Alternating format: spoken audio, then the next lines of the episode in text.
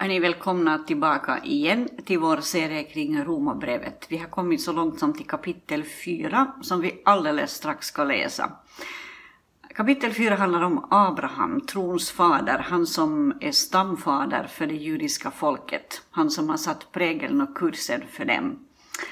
Eh, Abraham nämns ju eh, inte bara i Romarbrevet utan han nämns också till exempel i Hebreerbrevet 11 och i Galaterbrevet 3. Och vi kommer också att läsa ett annat sammanhang ur Galaterbrevet idag där det tema som Abraham är kopplat till eh, behandlas.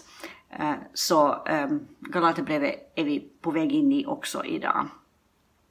Eh, men vi ska läsa direkt här nu i början Romarbrevet 4, eh, de 25 verser som det här kapitlet är innehåller. Och eh, jag vill bara påminna om det att det var ju så ursprungligen att Paulus skrev ett enda långt brev, inte 16 kapitel till församlingen i Rom, utan ett enda långt brev och det här kapitlet eh, eh, handlar då om Abraham och eh, kapitelindelningen finns snarare där då för att på något sätt göra läsningen mera lätt tillgänglig.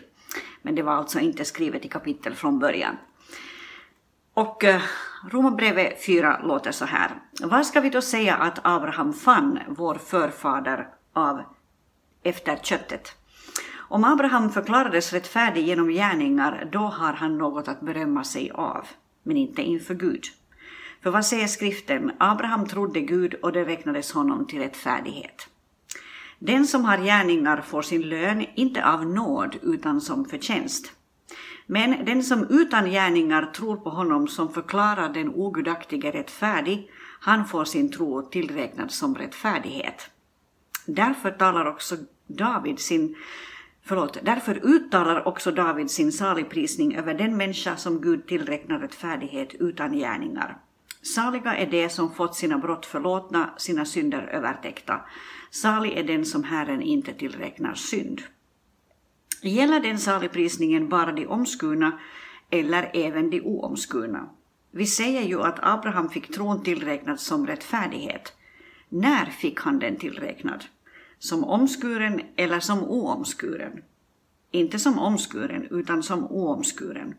Han fick omskärelsens tecken som bekräftelse på trons rättfärdighet och den hade han redan som oomskuren så skulle han bli far till alla omskurna som tror och så skulle rättfärdighet tilldelas, eller förlåt, tillräknas dem. Han skulle också bli far till de omskurna, de som inte bara tillhör de omskurna utan också vandrar i spåren av den tro som vår far Abraham hade redan som oomskuren. Det var inte genom lagen som Abraham och hans avkomlingar fick löftet att ärva världen utan genom den rättfärdighet som kommer av tro. Om det som håller sig till lagen blir arvingar, då är tron meningslös och löftet upphävt. Lagen framkallar ju vrede. Men där ingen lag finns, där finns inte heller någon överträdelse. Därför heter det av tro, för att det ska vara av nåd och löftet står fast för alla hans avkomlingar, inte bara för dem som hör till lagens folk, utan också för dem som har Abrahams tro. Han är allas vår far, som det står skrivet, jag har gjort dig till far till många folk. Och det är han inför dem som han trodde på. Gud, eh, förlåt, och det är han inför den som han trodde på. Gud som ger liv åt de döda och kallar på det som inte är till som om det var till. Där hoppet var ute hoppades han ändå och trodde och blev så far till många folk. Som det var sagt, så ska din avkomma bli. Han vacklade inte i tron. När han tänkte på sin döda kropp, han var omkring hundra år, och att Saras moderliv var dött. Han tvivlade inte i tro, förlåt, han tvivlade inte i otro på Guds löfte utan blev istället starkare i tron och gav Gud äran, fullt övertygad om att vad Gud hade lovat var han också mäktig att hålla. Därför räknades det honom till rättfärdighet. Men dessa ord räknades honom till rättfärdighet skrevs inte bara för hans skull utan även för vår skull. Rättfärdighet kommer att tillräknas oss som tror på honom som uppväckte vår Herre Jesus från de döda han som utlämnades för våra synders skull och uppväcktes för vår rättfärdiggörelses skull.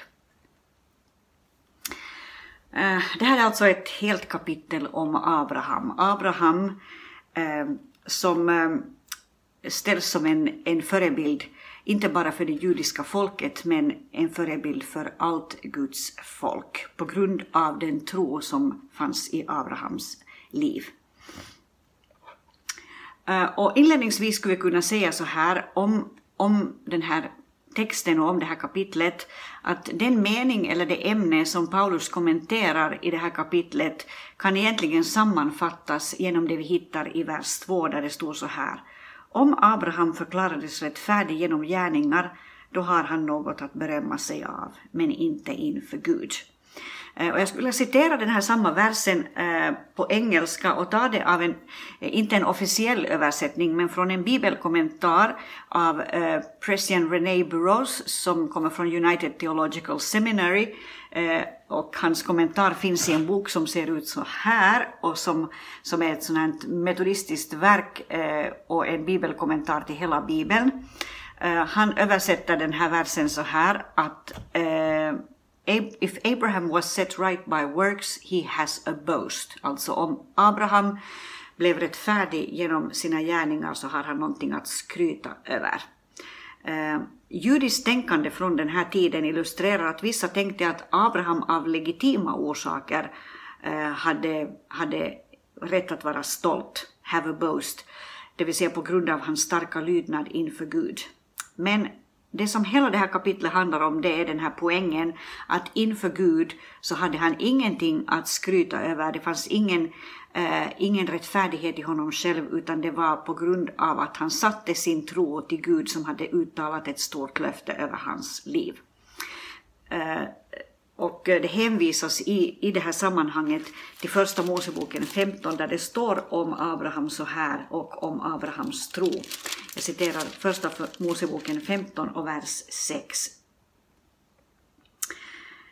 Uh, eh, och Abraham trodde Herren, eller Abraham trodde på Herren och han räknade honom det till rättfärdighet. Uh, Romarbrevet 4 är egentligen ett enda långt svar på frågan när blev Abraham rättfärdig inför Gud. Och för att det här ska få någon poäng för oss så behöver vi förstå det här ordet rättfärdig. Ordet rättfärdig betyder alltså att man har rätt att komma inför Gud, man har rätt ställning inför Gud, man har en öppen dörr inför Gud. Eh, och eh, här talas alltså om Abrahams rättfärdighet och att det fanns en rättfärdighet i hans liv. Och Romarbrevet 4 är liksom en ett svar på frågan när fick Abraham den här rätta ställningen inför Gud? Var det någonting som kom genom hans omskärelse eller kom det redan innan han blev omskuren? Var det hans gärningar, det vill säga allt det goda han gjorde, eller var det någonting annat? Och Paulus understryker i hela det här brevet, eller i hela det här kapitlet, att Abraham blev förklarad rättfärdig inför Gud på grund av att han hade placerat sin tro till Gud. Eh, det stod i vers 3 så här. Vad säger skriften? Abraham trodde Gud och det räknades honom till rättfärdighet. Omskärelsen som Abraham de facto sen fick, den blev en bekräftelse på hans rättfärdighet. Det var ingenting som gjorde honom rättfärdig. Och det här är liksom en signal rakt in i den judiska gemenskapen att omskärelsen skapar inte rättfärdighet utan omskärelsen som Abraham tog till sig, det var någonting som blev en bekräftelse på en ställning som han hade inför Gud redan innan omskärelsen. Eh, och Paulus lyfter upp David, faktiskt kung David i det här sammanhanget, eh, som också uttalar att han förstår att, att Gud Eh, gör en människa rättfärdig, inte på grund av hennes gärningar utan på grund av hennes tro. Och jag läser ett, ett citat eh, som handlar om David från psalm 32 där det i de två första verserna står så här. Det här är en vishetssalm av David själv.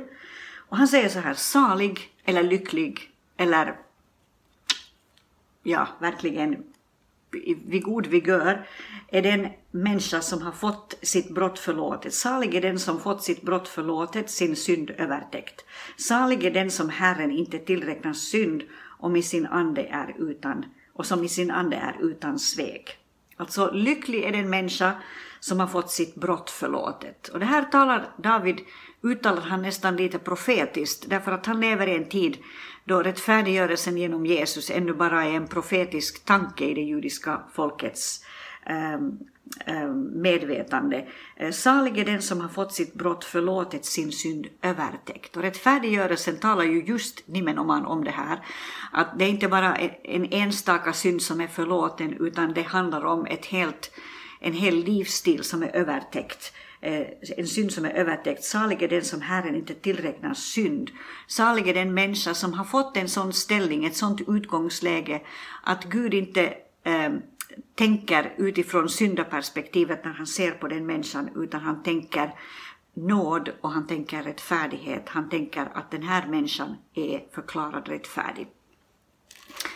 Eh, om vi hoppar till ett annat bibelsammanhang, Apostlärningarna 15, så hittar vi en diskussion där som handlar just om det här med omskärelse och rättfärdighet och huruvida de nya troende som kommer till tro genom utkyrkans evangelisation, huruvida de behöver bli omskurna eller inte. Och hela det här kapitlet handlar om, om ett möte i Jerusalem som man har i, eh, tillsammans med utkyrkan och där man diskuterar den här frågan.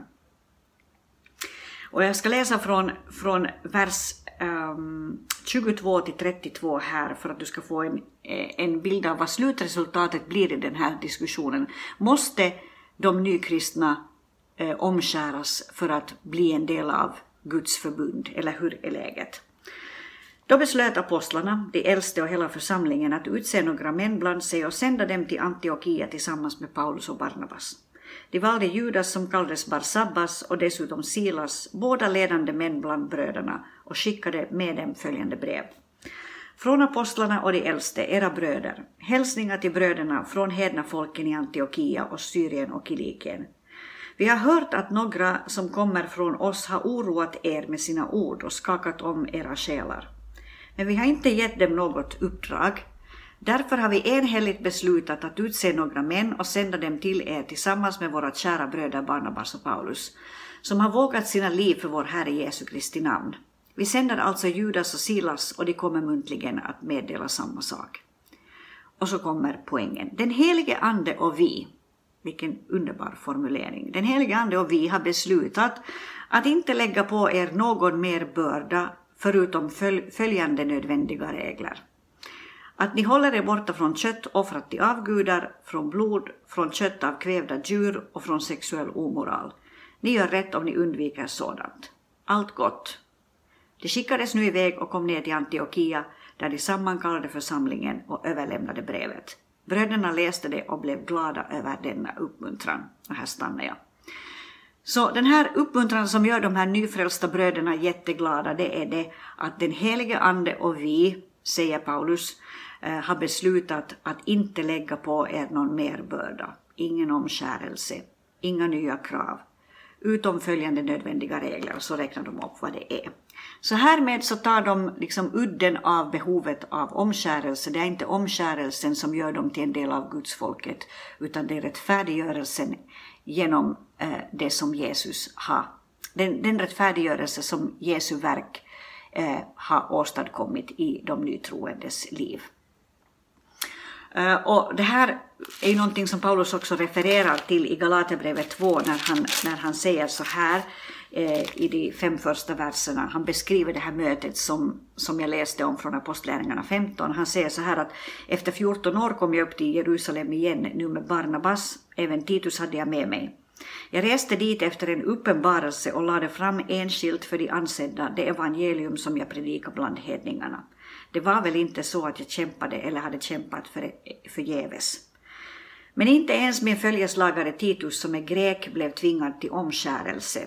Det ville annars de falska bröder som hade nästlat sig in. De hade smugit sig in för att spionera på den frihet som vi har i Kristus Jesus och göra oss till slavar.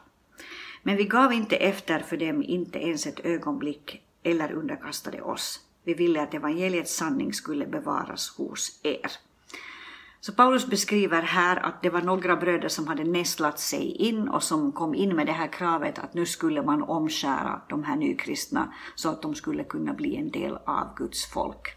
Men tvärtom säger Paulus att eh, vi gav inte efter för dem ens ett ögonblick. Det fanns absolut ingen som helst, eh, det fanns inget tvivel om den saken att de ville stå tydliga och klara på den här punkten och verkligen signalera med all eh, styrka att rättfärdigheten i Jesus Kristus räcker, här behövs ingen omskärelse. Eh, och eh, det är som om, om Paulus skulle vilja eh, vara övertydlig i den här frågan. Och jag gillar den här formuleringen som han gör i vers 15 i Galater, förlåt, i Romarbrevet 4, om vi går tillbaka till det. Han säger där att lagen åstadkommer vrede. Eh, och det är nog egentligen en väldigt sån här det är en bra formulering som vi har nytta av också i vår tid. Det handlar inte alls bara om diskussioner om eh, judar och hedningar, utan, utan det här är nog någonting som, som kristna i vår tid också kan fastna i. Det är att, att vi på något sätt lägger till beteende, krav, eh, eh, i tiden när pingströrelsen till exempel eh, började i vårt land då, under de första 10, 20, 30, 40 åren eh, så var det väldigt, väldigt noga det här med hur man klädde sig till exempel. Och det kanske har funnits i andra frikyrkorörelser också, jag vet, frikyrkorörelser också, det vet jag inte. Eh, men det var väldigt noga det här med hur kvinnorna skulle klä sig och hur det skulle vara eh, hur man skulle täcka sitt huvud med någonting. Och det fanns sådana här krav som man satte. In Eh, eh, i i den kristna församlingen och som inte har någonting att göra med den frihet som eh, vi har i, i Jesus Kristus. Så därför eh, kan det nog vara skäl att fundera lite på det här med att lagen åstadkommer vrede, alltså en frukt av det att vi blir lagiska och att vi kräver saker och ting av varandra. Eh, så är att det blir liksom en sån här hårdhet, en stolthet, en elakhet, eh, det blir en jämförelsementalitet, eh, vi är renare än dem eller jag har rätt beteende men den här nykristna som kommer rakt från världen och som inte förstår hur man ska bete sig i församlingen eller vad som helst sånt här. Det är just sånt som åstadkommer vrede och vi behöver förstå att, att det, det är någonting som är oerhört destruktivt. Evangeliet befriar. Evangeliet sätter människor fria. Eh, evangeliet gör att, eh, att folk kan andas ut och förstå att jag är accepterad och älskad av Gud som jag är. Jag är accepterad och älskad av Gud som jag är. Jag är placerad i nåden. Han ser inte på mig utifrån lagens krav, han ser på mig utifrån eh, den rättfärdighet och renhet som finns i Jesus Kristus och där ingenting fattas. Där ingenting fattas. Um, sen finns här i slutet av det här kapitlet, alltså kapitel 4 i Romarbrevet, eh, så finns en beskrivning av Eh, den troshjälte som Abraham var, att, att han tvivlade inte, han var säker på att det löfte som Gud hade gett honom, det vill säga att han skulle få en son, att Gud också skulle fullborda det löftet. Eh, och jag vill ta fram det här därför att, att eh, speciellt genom trosrörelsen på 80-90-talet så finns det, eller så, så kom det fram en sån här som, sån här undervisning kring det här att man kan liksom förvänta saker i tro, ta ut saker i tro, proklamera saker i tro eh, och eh, där man på något sätt till höger och vänster har, har rätt att vänta att Gud ska välsigna på en massa olika sätt. Eh, Eh, och, och, ibland så blir det här, eh, går det här fullständigt till sin överdrift. Jag vill bara understryka att när det gäller Abrahams välsignelse som han de facto stod i tro för, vilket Gud nog definitivt är ute efter också, jag tycker det är väldigt starka trosformuleringar här, eh, och jag ska ta det på nytt bara, slutet av Romarbrevet 4, där, där det står så här att där hoppet var ute, vers 18, där hoppades han ändå och trodde och blev så far till många folk, som det var sagt, så ska din avkomma bli. Han vacklade inte i tron när han tänkte på sin döda kropp, han var omkring hundra år, och att Saras moderliv var dött. Han tvivlade inte i otro på Guds löfte utan blev istället starkare i tron och gav Gud äran. Fullt övertygad om att vad Gud hade lovat var han också mäktig att hålla. Därför räknades det honom till rättfärdighet. Så vi ser hos, ser hos Abraham här, åtminstone så som Paulus formulerade, en väldig tro, en stor förväntan på vad Gud ska göra. Och det är nimenomaan en förväntan på ett löfte som han har fått från Gud. Han står inte i tro för att idag så ska det vara solsken. Eh, eller, eller han står inte i tro för att idag så ska jag få 10 000 euro in på kontot eller något liknande. Utan han står i tro för ett löfte som Gud har talat in i hans liv. Och det är något helt annat än att bara bestämma sig för att Gud måste välsigna mig på alla möjliga plan, bara utifrån en sån här allmän tanke, och det står jag i tro för, även om det skulle gå hur som helst. Det som Abraham står i tro för här, det är ett löfte som Gud har talat in i hans liv. Och eh, han tvivlar inte i otro utan han håller fast vid att Gud kommer att göra det. Och det fick han göra länge. Eh, han var 75 år när han fick det här löftet, eller det, det här uppdraget att han skulle lämna sitt land och gå ut i ett land som Gud skulle visa honom och att han skulle få bli välsignad och så vidare. Han är nästan 100 år och det har inte kommit något, något Isak-barn ännu. Han kunde ha gett upp, men han tvivlade inte i tro, står det i vers 20 här. Och det räknades honom till rättfärdighet. Så det fanns en väldigt stark trosattityd hos honom. Den rättfärdiggörande tron var en gåva från Gud. Och eh, jag vill bara ta med det här, här i slutet därför att det finns de facto säkert också Eh, löften som Gud vill tala in i våra liv och som vi har all rätt att stå i tro för. Men vi kan inte liksom ta vilket löfte från Bibeln som helst och tillämpa det hur som helst och mena att Gud är tvungen att göra som det står här. Eh, det finns otaliga kristna över hela världen som är fängslade för sin tros skull och som det här skulle vara liksom rena, rena Eh, slaget i ansiktet på om man skulle säga men stå nu bara i tro för att Gud ska öppna dörren för dig och du kommer ut härifrån. Det är många, många kristna som får sätta livet till i vår tid eh, på grund av sin tro.